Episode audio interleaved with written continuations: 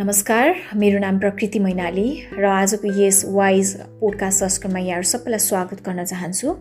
र आज हामीसँग अतिथिको रूपमा साना तथा घरेलु उद्योग काठमाडौँ सङ्घको अध्यक्ष तथा घरेलु तथा लघुवित्त वित्तीय संस्थाको one of the board of director Sita कार्कीज्यू यस कार्यक्रममा जोडिँदै हुनुहुन्छ। र आजको यस कार्यक्रममा हामी विशेष रूपमा साना तथा घरेलु उद्योग काठमाडौँ सङ्घले अहिले गर्दै आइराखेको कामहरू तथा यसको उद्देश्य र अहिले उद्यमीको कोभिडभन्दा अगाडि के कस्ता गुनासो तथा चुनौतीहरू थिए र कोभिडको अहिलेको यो अवस्थामा के कस्ता गुनासोहरू उद्यमीबाट आइराखेको छ त्यो विषयमा? र अहिलेको यो विषम परिस्थितिमा सरकारको तर्फबाट के कस्ता निकास हुनसक्छ र ब्याङ्क तथा वित्तीय संस्थाले यो विषम परिस्थितिमा के कस्तो भूमिका खेल्न सक्छ? यो विषयमा केन्द्रित रहेर आजको यस कार्यक्रममा हामी अगाडि बढाउँछौँ। कार्यक्रममा स्वागत गरौँ सीता कार्की दिजुलाई। र साथै मेरो यो पहिलो प्रश्न काठमाडौँ सङ्घ घरेलु तथा साना उद्योग सङ्घको उद्देश्य के हो अब यसले चाहिँ कस्तो काम गर्छ भन्दाखेरि यसको उद्देश्य चाहिँ नेपालमा हाम्रो उद्यमी व्यवसायहरूको प्रवर्धन र संरक्षणका लागि भनेर चाहिँ बनाएको एउटा संस्था हो होइन? उनीहरूको चाहिँ सबै के भन्छ उद्यमी व्यवसायहरूको सङ्गठन भनौँ न त्यो त। सङ्गठन हो। त्यो सङ्गठनले चाहिँ के काम गर्छ? उहाँहरूलाई समस्या परेको के कस्ताहरू कुराहरू के के गर्नुपर्छ त त्योभित्र? केही त हाम्रा विधानले खुलेका छन्। केही त अब हामीले सरकारहरूसँग मेन कुरा भनेको चाहिँ सरकारसँग सहकार्य गरेर उद्यमी व्यवसायलाई प्रवर्धन गरेर उनीहरूको चाहिँ बजार व्यवस्थापनदेखि लिएर होइन गरिदिने हो। भनेपछि उद्यमीहरू चाहिँ उद्योगमा दर्ता घरेलुमा दर्ता हुनुभएको अथवा कम्पनीमा कम्पनीमा दर्ता हुनुभएको उद्यमीहरूले पनि ए भनेपछि यी सबै उद्यमीहरूको चाहिँ एउटा साझा आवाज है साझा सङ्गठन अनि ताकि उद्यमीको चुनौतीहरू समस्याहरू पनि सरकार समक्ष जाने एउटा माध्यम जस्तो है? पुल जस्तो होइन?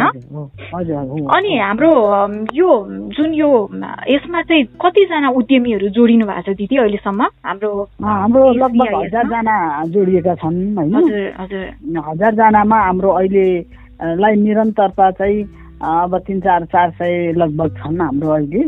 किन रिनो गर्न आउँदैनन्? कति चाहिँ रुग्न उद्योगहरू भए रुग्न भए तिनीहरू चाहिँ कति चाहिँ खारेजीमा परे होलान्? अब नयाँ आउने त आउँदैछन्। त्यसमा चाहिँ अनि अहिले चाहिँ अहिले अब ठ्याक्कै यो वर्षको चाहिँ यो वर्षको हेर्दाखेरि चाहिँ मैले रिनो गरेर आइरहेका निरन्तरता देखेको भनेको चार सयजना छन्। चार सय पैँतालिस समथिङ यस्तै छन्। हजारजना चाहिँ कहिले पनि काम पऱ्यो त्यो हजारजना आउने नि हुन् फेरि पनि होइन। कति चाहिँ अब हामीले अनुगमन पनि गरेका छैनौँ। कति उहाँहरूले हामीले खारेजी गऱ्यौँ भन्नु पनि भएको छैन। खारेजी चाहिँ अब उद्योगमा गएर खारेजी गरेर आइसकेपछि हामीलाई जानकारी गराउनु भएको छैन। त्यस्ता उद्योगहरू हामीले खारेजी हो यो भन्न पनि सकेका छैनौँ। उहाँहरू आउनु भएन। त्यसले गर्दा पनि लिस्ट चाहिँ अहिले नै छ क्या हजुर।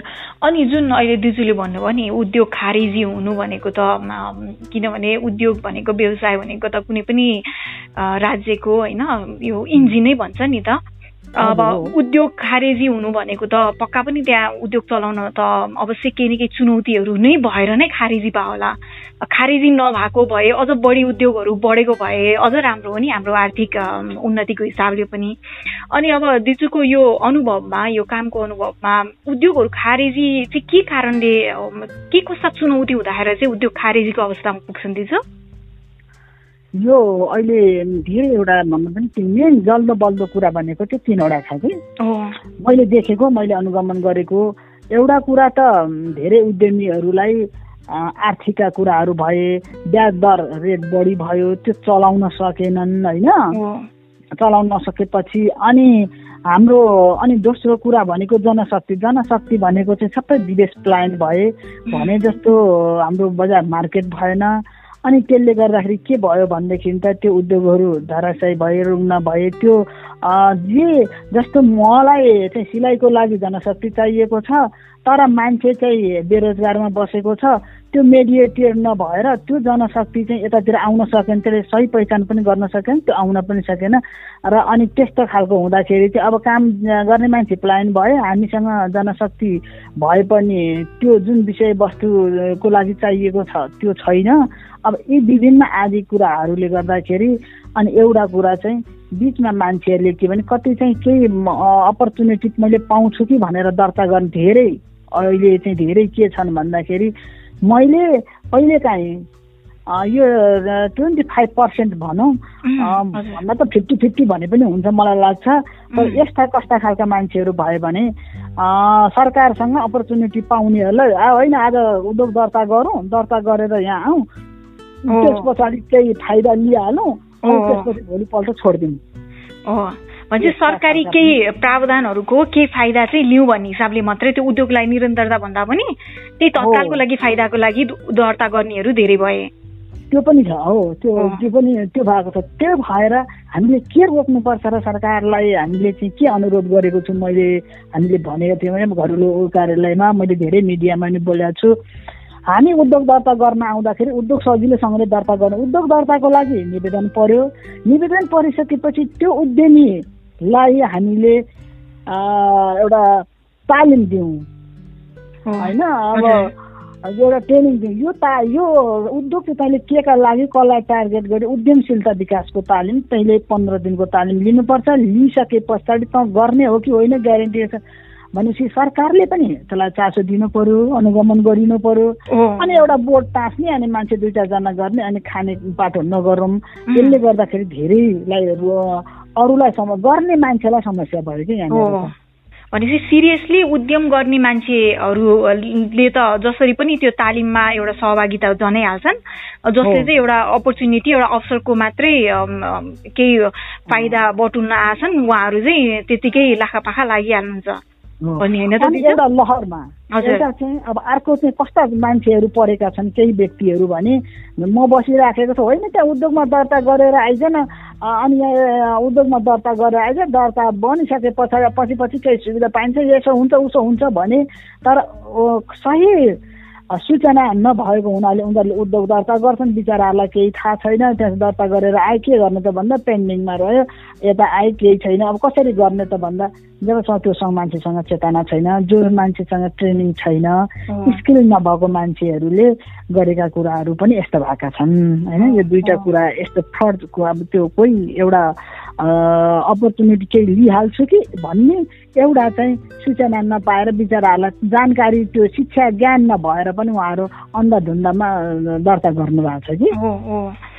अनि दिदीले अघि भन्नुभयो नि जुन हजारजना छ अहिले निरन्तरता दिइराख्नु भएको चाहिँ चार सयजना यसमध्येमा लगभग महिला उद्यमीहरूको केही छ तथ्याङ्कहरू दुई सय पैँसठी दुई सय सत्तरी लगभग छ महिलाहरू। ए भनेपछि यसलाई चाहिँ लगभग पचास प्रतिशत भन्दा बढी त महिला नै देखिनु भयो नि। अझ बढी होला। मैले अहिले अहिले यो अस्तिको अस्ति मैले हेरेको थिएन पन्ध्र बिसजनाले यतिभित्रमा पनि पन्ध्र बिसजना जति मान्छे अझ बढी नै होला यो महिलाले चाहिँ ऋण सहुलियत दरमा पाउने है भनिसकेपछि पुरुषहरू चाहिँ हालिमुहाली चाहिँ पुरुषहरूले गर्छन् तर नाम चाहिँ महिलाहरूकोमा राखेर कति धेरै चाहिँ यो महिलाहरू हुनु भएको छ होइन? महिलाहरूले सहुलियत पूर्ण कर्जा महिलाहरूले पाउने महिलाहरूले पाउने भनिसकेपछि योभन्दा अगाडि पनि महिला लघु उद्यमी कोष भन्ने एउटा कोष थियो। त्यो कोषले चाहिँ पाँच लाखसम्म बिना धितो लोन दिन्थ्यो। त्यति बेला पनि धेरै पुरुषहरूले महिलाको नाममा राखिदिनु भएको छ कि। तर त्यो पनि एउटा कस्तो भने केही नहुनु भन्दा त महिलाको नाममा पहिला दर्तै थिएन। अहिले त कमसेकम दर्ता भइसकेपछि केही न केही त संलग्नता त महिलाको पनि हुन्छ नि। हुन्छ हुन्छ है दिजु अनि हो त्यसले गर्दाखेरि महिलाहरू अलिकति धेरै फेरि हामीले महिलाहरूलाई महिलाहरूले गरेको उद्योग राम्रो पनि छ। उहाँहरू लगनशील पनि हुनुहुन्छ। उहाँहरूले लिएको ऋणहरू तिर्नुपर्छ भनेर ला हुनु पनि भएको छ। उहाँहरूलाई चाहिँ त्यस्तो हुँदो रहेछ। अनि त्यसो भइसकेपछि ल महिलाहरूलाई चाहिँ महिलाहरूको अलिकति राम्रो छ काम गर्ने तर जो जहाँ चाहिँ जहाँ पुरुषको नामबाट आएको छ त्यो महिलाहरू चाहिँ बाइसै हो पुरुषहरू नै हो। अगाडि देखाउनु ल्याए मात्रै हो है। जहाँ यथार्थ महिलाहरू हुनुहुन्छ साँच्ची नै गर्ने खालको महिलाहरू हुनुहुन्छ। मैले एउटा यस्तो देखेको छु एकजना महिला बिचरा बानेश्वरमा वडा नम्बर दसमा उहाँले साह्रै उहाँको गएर हेरेँ उहाँ यति दुःख पाएर आउनु भएको रहेछ अनि उहाँको श्रीमान चाहिँ अब रक्सी खाने के गर्ने उहाँले पाँच चारवटा छोराछोरी त्यो एउटा दाल मोड पहिला चाहिँ के को तालिम लिन जाने पछि मैले दुई तिनवटा तालिम पनि उहाँलाई मिलाइदिएँ गरिदिएँ। यस्तो पनि छ क्या त्यसले गर्दाखेरि मैले सानो घरैसी घर यो घरेलु तथा साना उद्योग भनेपछि घरेलुमा ब घरमा बसेर बिना स्किल बिना ट्रेनिङ बिना पुँजी बिचराहरूले त्यतिसम्म गर्नु भनेको आफ्नो लागि स्वरोजगारको अवसर सिर्जना गर्नु अहिले तिन चारजना महिला पनि राख्नु भएको छ हो। अनि दिजु अघि हजुरले भन्नुभयो नि जुन यो सहुलियती लोनको कुरा हाम्रो चाहिँ सहुलियती लोन चाहिँ हाम्रो यो सामूहिक सहुलियती लोन है? होइन पहिला चाहिँ अहिले अहिले चाहिँ नेपाल सरकारले पोहोरको सालबाट चाहिँ पहिला चाहिँ हामीले लघु उद्यमी कोष भन्ने महिला लघु उद्यमी कोष भन्ने एउटा कोष चाहिँ खडा गरेको थियो। घरेलु महासङ्घको हाम्रो नेतृत्वमै त्यति बेला चाहिँ सचिव कुमारीमा त्योभन्दा अगाडि अष्टलक्ष्मी साक्य उद्योग मन्त्री हुँदा? ए ए हजुर। धेरै धेरै धेरै गरियो। त्यस बेला नीतिहरू बनेका छन्। धेरै महिलाहरूको लागि चाहिँ उत्कृष्ट महिला सम्मानको लागि भनेर उहाँले लिएर आउनुभयो। उहाँले हामीले उहाँलाई सिफारिस गर्नु उहाँले त्यो गर्नुभयो। अहिले पनि त्यो निरन्तरता छ। अनि उहाँले चाहिँ यो महिलाहरूको लागि चाहिँ कोष राख्नुपर्छ भन्दा केही महिलाहरूले विनहरू यो एफविनहरू यिनीहरू केही महिलाहरूले चाहिँ होइन। यो चाहिँ त्यत्तिकै पहिले नै त्यो फ्याट लोन जस्तो दिने महिलाहरूलाई लोन दिने भन्नुभयो। यो चाहिँ बिना ब्याजमा यसलाई चाहिँ जस्तो तालिममा खर्च गर्ने एउटा कोष महिला लघु उद्यमी कोष भनेर राखौँ। यो कोषको पैसा चाहिँ हामीले ट्रेनिङमा सकाउने भन्नु सोचवालाले त त्यो ट्रेनिङमा लिएर जान्छ पैसा र सिद्धाउँछ सोच नहुने मान्छेले त सबै मान्छेले त महिलाहरूले पाएनन् नि। बरु लोन दिउँ भन्ने एउटा महासङ्घको प्रतिनिधि भएको हुनाले हामीले त्यो कुरा गऱ्यौँ। हजुर हजुर। अनि त्यस पछाडि चाहिँ यो अहिले हामी चाहिँ लघु त्यो सहुलियत कर्जा पूर्ण कर्जाको चाहिँ त्यो त्यस्तो खालको कोष हो। त्यो जुन पाँच लाख रुपियाँसम्म कति कति पर्सेन्टसम्म कति पर्सेन्ट इन्ट्रेस्टमा पाइन्छ दिजु त्यो? त्यो सहुलियत कर्जा भनेको चाहिँ त्यस बेला हामीले तिन पर्सेन्ट हो। हजुर अनि समथिङ छ छ होला छ छ होला होइन छ पर्सेन्ट छ पर्सेन्ट हजुर छ पर्सेन्ट ब्याजमा चाहिँ उहाँहरूले बिना धितो होइन एक लाखदेखि अनि त्यो गर्दै जाँदाखेरि हामीले कन्टिन्यू तिन वर्ष चार वर्ष घरेलु सङ्घको सिफारिसमा घरेलु सङ्घले जिल्ला सङ्घहरूले सिफारिस गरेर महिलाहरूलाई यसरी पठाउँथ्यो। हामीले अठार करोड बाइस करोड एक सालमा पहिला यसो यसो गरेर चौन्न करोडसम्म पछि हामीलाई चौन्न करोड लास्ट टाइममा चाहिने भयो। अनि त्यो बेलामा कति लोन चाहिँ उठेनन् त्यस पछाडि अब के गर्ने के गर्ने भन्दा हामी अर्थमन्त्री भएको पुग्दा अर्थमन्त्रीले के भन्नुभयो भने अब तपाईँहरूलाई त्यो चौन्न करोड कुरा नगर्नु तपाईँहरूलाई दुई अरब रुपियाँ दिँदैछु मैले। ए भन्नुभयो। तर हामी त खुसी भयौँ। तर कुरा के रहेछ भने जुन अहिले ब्याजमा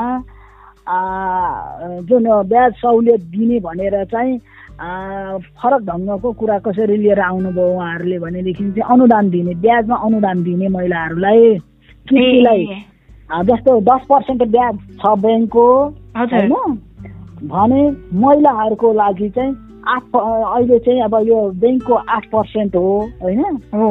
आठ पर्सेन्ट ब्याङ्कको ब्याज छ महिलाहरूको लागि भनेपछि नेपाल सरकारले चाहिँ के गरिदियो भने होइन अनुदान दिने भनेर महिलाहरूलाई छ पर्सेन्ट चाहिँ अनुदान दियो दुई पर्सेन्ट चाहिँ तिर्न पर्ने छ। दुई पर्सेन्ट चाहिँ नपर्ला एक पर्सेन्ट पोइन्ट कति छ हामीले समथिङ दुई पर्सेन्ट राखिदिएका छौँ। अनि महिलाहरूलाई अहिले त्यो जुन लघु उद्यमी कोष छँदैछ तर त्यो पैसा त्यताबाट पठाएनन् पैसा यताबाट चाहिँ यसरी चाहिँ दिने भयो। ए ए अनि दिचु अनि यो कोभिडको हुन्छ नि अब यो कोभिडमै आएर कुरा गरौँ। यो अब यसमा त धेरै चुनौती धेरै नै चुनौती छ। उद्योग चलाउनलाई फिक्स कस्ट छ नि तिर्नै पर्छ।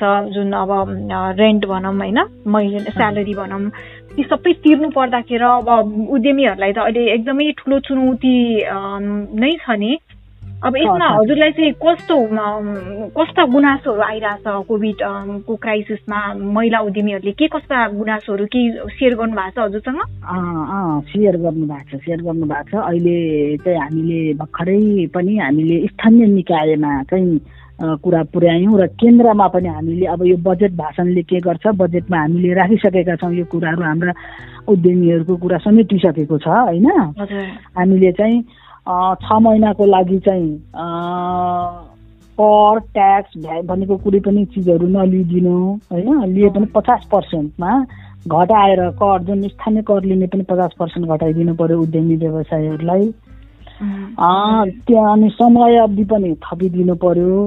अब कति बेलासम्म जान्छ जरिवाना लाग्नु भएन जरिवानाको त कुरै भएन यो पनि हट्नु पर्यो। सकिन्छ भने छ महिनाको लागि भनेर हामीले पेस गरेको छौँ महानगरमा चाहिँ स्थानीय निकायको र सरकारमा पनि माथिल्लो केन्द्रमा पनि हामीले यसै गरी पेस गरेका छौँ। पचास पर्सेन्टकै हाराहारीमा छ होला। अब यो नीति बनिसक नीति बन्ला। र जति राख्नुपर्ने धेरै उद्यमी साथीहरूले धेरैको गुनासो आएको छ। अब हामी त जाने डुब्ने भयो। किनभने केही बिक्री भएको छैन काहीँ केही भएको छैन। हाम्रो काम गर्ने मान्छेहरू पनि हिँडिसकेको अवस्था छ। हामीले पाल्न नसकेको अवस्था छ। त्यसपछि घर भाडा तिर्नु पर्ने छ आयकर तिर्नु पर्ने छ आयकर त आम्दानीको होइन तर घर भाडा बहाल कर घर भाडा कर। यो तिनवटा कर तिर्नु पर्ने हुन्छ उनीहरूले। यो तिनवटा करले हामी त डुब्ने भयौँ भनिसकेपछि हामीले यो प्रस्ताव हामीले महासङ्घलाई भन्यौँ भनिसकेपछि अहिले महासङ्घले यो कुरा हामीले केन्द्रबाट यो कुरा चाहिँ अर्थ मन्त्रीज्यूका उद्योग मन्त्रीज्यूका र हामीले राष्ट्र ब्याङ्कमा बुझाउने कुराहरू भइसकेको छ होइन? अब यो नीति बनेर अब कस्तो बजेटले अब पन्ध्र गते बजेट छ यो बजेट पछाडि अब कस्तो खालको बजेट बनेर आउँछ? र के के कुराहरू समेटिन्छन्? यसैलाई हामीले आशा गरेका छौँ र महिला अहिले उद्यमीहरूको साना उद्यमीहरूको त पास यति समस्या छ बिचराहरूको सामान त उत्पादन केही त गर्नु भएको छ। एकदमै कराएपछि हामीले एकदम करायौँ। त्यसो हुनाले अहिले घरेलु महासङ्घले हामीले हाम्रो जिल्लाको सिफारिसमा पास दिँदैछौँ। एउटा एउटा एउटा गाडी दुईवटा एउटा अब कृषिहरूको त झन् सामान यति छ कुखुरा मरेको छ। उहाँहरूले मलाई फोन गर्नुभएको छ दिनभरि। उहाँहरूसँगै हुन्छु कि म दिनभरि। अनि अनि अहिले पासको व्यवस्था गरेका छौँ र हामीले एउटा दुईवटा गाडीमा पास दिने अनि त्यो उद्यमीहरूको लागि भनेर त्यो व्यवस्था गरेका छौँ। अनि कुखुरा मऱ्यो भन्नुभएको छ। दाना नपाएर कुखुरा मरेको एउटा ठाउँमा छ मल नपाएर के अरे त्यो के भन्छ औषधि नपाएर टिटानसको औषधि नपाएर त्यो किटनेसहरू मर्ने औषधि नपाएर उहाँहरू किन्न ठाउँ नपाएर पैसा नभएर हाम्रा कृषिहरू तरकारी पुग्यो भनेको छ। तरकारी यो यस्तो यस्तो भएको छ कि? धेरै आएका छन्।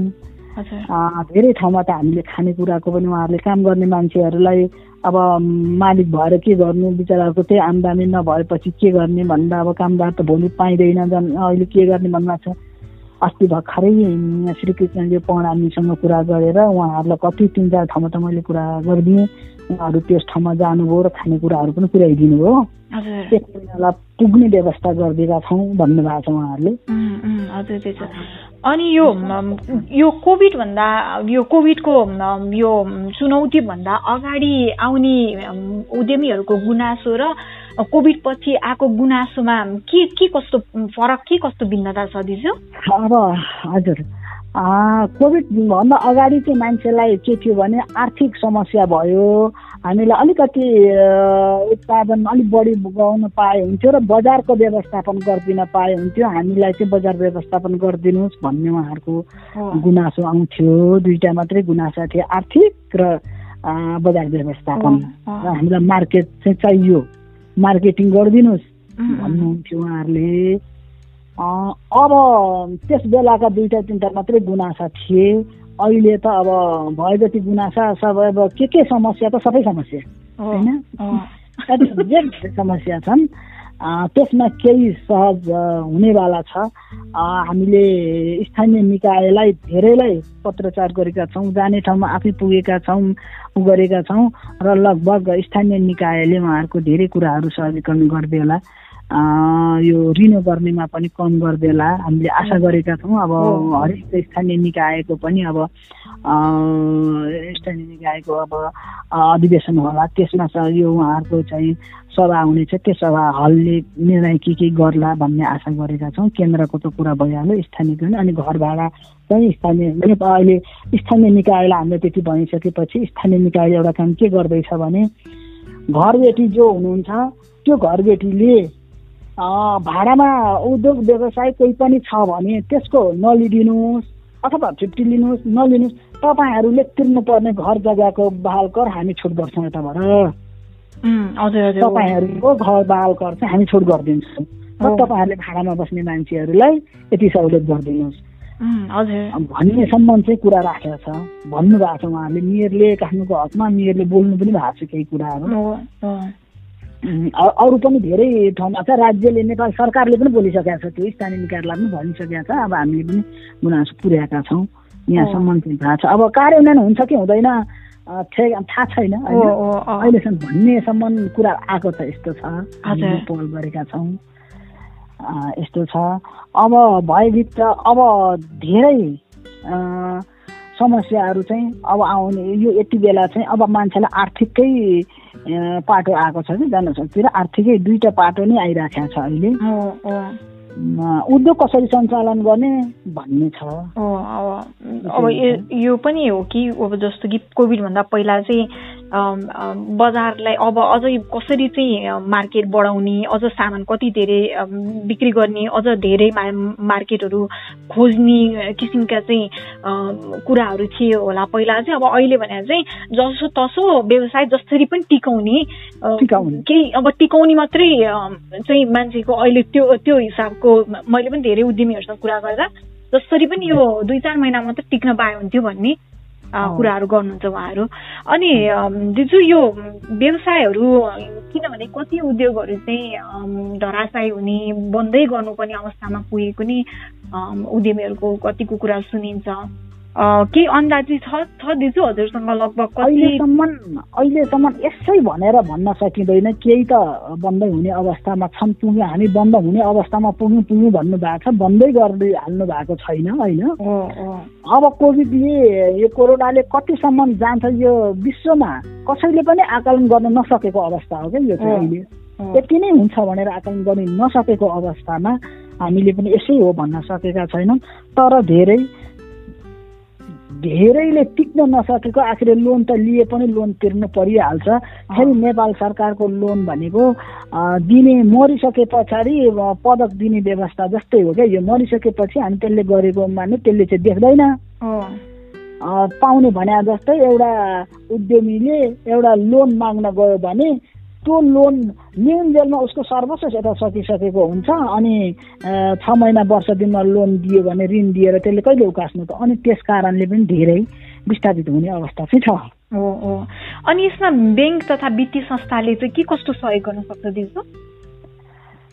संस्थाहरूले नेपाल सरकारले आह्वान गरेपछि नेपाल सरकारले कडाका कडा कारवाही गर्छु म भनेर अहिलेसम्म चाहिँ मुखले मात्रै भनेको छ। व्यवहारले नै देखाएर यस्ता उद्यमी व्यवसायीहरूलाई कृषि गर्नेलाई पहिचान गरेर सम्बन्धित निकायको सिफारिस चाहिँ गर तपाईँहरूले छिटोमा छिटो एक महिना पन्ध्र दिन तपाईँहरू कति हाल्नु सक्नुहुन्छ। सबैले लागि मिलेर बरु केही कर्मचारी हायर लिएर भए पनि तपाईँहरूले यसरी छिटो उद्यम व्यवसायहरूलाई सहयोग गरिदिनु पर्यो। र ब्याज चाहिँ सरकारले नेपाल सरकारले ब्याज अनुदान दिने कतिसम्म दिने भन्दाखेरि एक पर्सेन्ट दुई पर्सेन्ट तिर्लान अरू चाहिँ महिला पुरुष नभनिकन उद्योग सञ्चालन गर्नको लागि दिने र कहिले काहीँ त के पनि हुनुपर्छ भने त्यस्ता खालका उद्योगहरू रहेछन् भनेदेखि त तिनीहरूलाई पुरै अनुदान पनि दिन पर्ने हुन्छ र सरकारले। तर वित्तीय व्यवस्था संस्थाहरूले चाहिँ ब्याङ्कहरूले जुन दिनुपर्ने लोन यहाँ अलिकति छोडेँ मैले अघि भन्न खोज्दै थिएँ। यहाँ मैले यो किन भनिराखेको छु यो पछाडिको अगाडि गएको कुरामा जोड्दैछु भने योभन्दा अगाडि जुन हामीले हरूले महासङ्घले र वाणिज्य ब्याङ्कसँग हामीले सहकार्य गरेका थियौँ चाहिँ उद्यमीहरूलाई दुई अरब रुपियाँ जति चाहिन्छ भनेर। तर आज एक वर्ष हुन लाग्यो हामीले एमआई गरेको। एकजनाले पनि लगभग एकजना दुईजना पाउनुभयो होला। पचहत्तरवटा फाइल महिलाहरूको मात्रै काठमाडौँ जिल्लाको मात्रै छ। जम्मै एकजना दुईजनाले कतिले पाउनु भएको छ। नभए अरू सबै पेन्डिङमा छन्। ती लोनहरू स्वीकृति भएको छन्। यही चाल भयो भनेदेखि त कुनै पनि उद्योग उद्यमीहरू कुनै पनि उद्योगहरू सञ्चालन हुन सक्छ हजुर दिजुको कुरा मैले एउटा कुरा के जोडिहालेँ भने मेरो आफ्नो अनुभव चाहिँ यो महिला उद्यमी महिला महिला सहुलियती लोन चाहिँ जुन नेपाल सरकारले ब्याङ्क तथा वित्तीय संस्थालाई चाहिँ महिलाद्वारा सञ्चालित उद्योगलाई सहुलियती लोन छदेखि सात प्रतिशतमा चाहिँ जुन दिनु भनेर एउटा एउटा नीति आयो। अनि मैले पनि यसमा अप्लाई गरेको थिएँ। अनि जुन यो यो चाहिँ फेरि विदाउट कोलाटरल के यो नराखिकन सम्पत्ति नराखिकन चाहिँ पाउने लोन थियो। तर मेरो आफ्नै अनुभवमा चाहिँ मैले मेरो सम्पत्ति मेरो आफ्नो के सम्पत्ति राखेर त्यो पनि पन्ध्र लाखसम्म पाउनेमा दस लाख मात्रै पाएँ के। भनेपछि एउटा महिला भएर उद्यम चलाउनुको एउटा अर्को चुनौती भनेको चाहिँ अब हाम्रो पितृ सत्तात्मक हाम्रो समाजमा चाहिँ महिलाको नाममा चाहिँ जायज थाहा हुँदैन सम्पत्ति हुँदैन। अनि बल्ल बल्ल एउटा उद्योग सञ्चालन गर्यो अनि त्यो उद्योगलाई बढाउँछु भन्यो भने त ब्याङ्कमा लोन लिनु पर्यो। ब्याङ्कमा लोन दिनलाई आफूसँग सम्पत्ति नभएपछि त्यो सम्पत्ति राख्न पाइएन। भने चाहिँ ब्याङ्क लोन नै नपाउने भएको कारणले धेरै जसो महिलाहरू चाहिँ घरेलु र साना उद्योग के अति साना उद्योग र घरेलु उद्योगमा मात्रै सीमित हुनुपर्ने एउटा चुनौती के? अनि मैले हजुरले दिजुले अघि त्यो भन्नुभयो भने मैले कुरा यति मात्रै होइन। अब मैले तपाईँलाई जोड्न चाहेँ यति मात्रै होइन। कतिसम्म हरकत गरेको छ ब्याङ्कहरूले भने तेरो श्रीमान एका घरमा छ भने एका घर परेको तेरो बिना धितो छ कोलेटर छैन भनेपछि तेरो बिना धितो लोन छ भनेपछि तँलाई एउटा समूहमा आइस् भने पाँचजनाको समूह बनाएर आयो भने तिन तिन लाख रुपियाँ पायो होइन? अथवा दस लाख रुपियाँमा पाँचजनाले बाँड होइन? तिनजना आयो भने चाहिँ तिमीहरूले पाँचलाई अब त्यो दस लाख रुपियाँभित्रको बाँडा त्यसमाथि पनि होइन एकजना आउँछ भने कोलाटर राख। कोलाटर राख्दाखेरि तेरा परिवारमा भएका सबै मान्छेको नागरिकताको फोटोकपी छ भने श्रीमान सनाखतमा बस्ने मान्छे साँची लिएर आउन पर्ने। यतिसम्म हरकत गरेको छ कि। त्यही त यो त्यस्तै चोरले मात्रै त्यस्तै जो फटाक दुई नम्बरी गर्नेलाई लिन्छन्। सही उद्यमीहरूले अहिले त्यो यो लोन लिन पाउँदैन। सुविधा लिन पाएको छैनन् हजुर लिन पाउँदैन यसबाट वञ्चित छन्। हजुर हजुर। हस् दिजु अब मेरो अर्को एउटा के कुरा सोध्न चाहेँ भने जुन साना सा घरेलु उद्योगमा सङ्घ भनौँ होइन एफएनसिएसआईबाट चाहिँ के कस्ता उद्यमीहरू किन जस्तो कि हजुरकै एसिआइएस छ नि association of cottage and small इन्डस्ट्रीमा चाहिँ त्यसमा जोडियो भने उद्यमीलाई के फाइदा हुन्छ के कस्ता फाइदाहरू लिन सक्छन् उद्यमीले? हो सङ्घ जिल्लाहरूसँग जस्तो बजार व्यवस्थापन हामीले मेला अर्गनाइज गरेका हुन्छौँ त्यो मेलाको लागि भनेर महिलाहरूको लागि भनेको चाहिँ हामीले अन्तबाट बरु कहीँबाट हामी सहयोग लिएर भए पनि महिलाहरूको लागि हामी सहुलियत दरमा जस्तो तिस हजार रुपियाँ मानिलिउँ गत वर्ष हामीले तिस हजार रुपियाँ चाहिँ एउटा स्टलको थियो काठमाडौँमा। त्यो स्टलको लागि म स्वयं महानगरपालिकामा लड्दा लड्दा लड्दा मैले सात लाख रुपियाँ पाँच लाख रुपियाँ ल्याउन सफल भएँ त्यहाँबाट। लिएर आएर तिसवटा महिलाहरूलाई दस हजार रुपियाँ एउटा स्टलको कसैलाई त पाँचै हजारमा पनि त्यस्ता खालका छन् भने पाँच हजारसम्ममा त्यसरी चाहिँ गर् किनभने त्यसबाट कहीँबाट पनि आउने पैसा भएन भने तिसै हजार लिन्थ्यो महासङ्घले त। त्यसले गर्दा त्यो खालकोहरू छ। अब जस्तो अहिले सहुलियत दर पनि हामीले यो ब्याज पनि हामी यति उठेन भने हामीले उठाउने पहल गर्नेछौँ भने हामीले सङ्घ जिल्ला सङ्घले सही गरेको हुनुपर्छ सिफारिस गरेको त्यो तिरेन उद्यमीले भने त्यसको अनुगमन गरिकन त्यसको निर्णय भोलि तिरेन भने यो सङ्घ जवाफदेही हुनेछ भने हुन्छ। अनि यो हजुर। अनि धेरै अब अब अरू जस्तो अब हामीले जिल्लासँग हाम्रो सुरुवातमा त पहिले पनि रहेछ यो कुरा थाहा भएन जस्तो सामानहरू प्रवृत्ति हस्तान्तरण भन्ने रहेछ। म कार्यकालमा मेरो कार्यकालमा म आइसकेपछि भनेको सारा नेपाल सरकार कतिवटा कुराहरू नीतिमा रहेछ कि? कतिवटा कुराहरू रहेछ क्या तर कसैलाई थाहा नभएको अहिले महासङ्घ पनि छक्क परेको छ। कतिवटा कुराहरू नेपाल सरकारले दिएको सहुलियत हामी त्यो ठाउँमा हाम्रो पहुँच पुगेन हामीले त्यो लिन सकेनौँ। अब थाहा भएर या नभएर अब त्यो आफ्नो ठाउँमा छ र म कार्यकालमा मेरो कार्यकालमा म आइसके पछाडि जम्मा तिन दिन बाँकी हुँदाखेरि दिदीले सोध्नुभयो मलाई बोलाएर सक्छु म भनेर आँट गरेर तिन दिनमा उद्यमी भेला गरेर त्यो प्रवृत्ति हस्तान्तरण गराएपछि सतहत्तर अहिले सम्पूर्ण जिल्लाहरूमा सुरुवात भयो। काठमाडौँले सुरुवात गर्यो। भनिसकेपछि म रातारात रातारात कुदे कुदे गरेको हुनाले अहिले यो जिल्ला सङ्घहरू सबै जिल्ला सङ्घहरूलाई चाहिँ अनि यो प्रवृत्ति अब यसपालि मात्रै पहिलेको सालमा सत्ताइस लाख अठाइस लाख पैँतिस लाख थियो। त्यो चाहिँ हामीले एउटा के बनायौँ कार्यविधि हाम्रो जिल्ला विकास समन्वय समिति सिडिओ कार्यालय महानगरपालिका हामी सबैको एउटा कमिटी छ। त्यस कमिटीले हामीले के निर्णय गऱ्यौँ भन्दाखेरि एउटा कार्यविधि बनायौँ। सबै दिँदाखेरि त उसलाई माया भएन नि त। के गर्ने त भने त्यसलाई बाँध्नको लागि एक लाख रुपियाँ बराबरको सामान पऱ्यो भने बिस हजार चाहिँ भ्याट सहित उसले तिर्ने उद्यमीले। अरू चाहिँ नेपाल सरकारले तिर्ने गरी अस्सी हजार रुपियाँ अस्सी हजार भनौँ एकछिन ए र अनि एक लाख रुपियाँ बराबरको सामान दिने भनेर बनाइयो।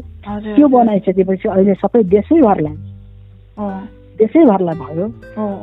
यस्ता खालको कामहरू चाहिँ त्यहाँ नजोडिएको भए त हुन्थ्यो नि त। अब जोडिएका भएर कति त नजोडिएका उद्यमी व्यवसायहरूले निवेदन सोधै दिइसकेपछि पाउने भन्थ्यौँ तर पनि हामीले जानकारी त थाहा हुँदैन नि त उद्यमीहरूलाई त। हामीले जानकारी गराउने हो नि त।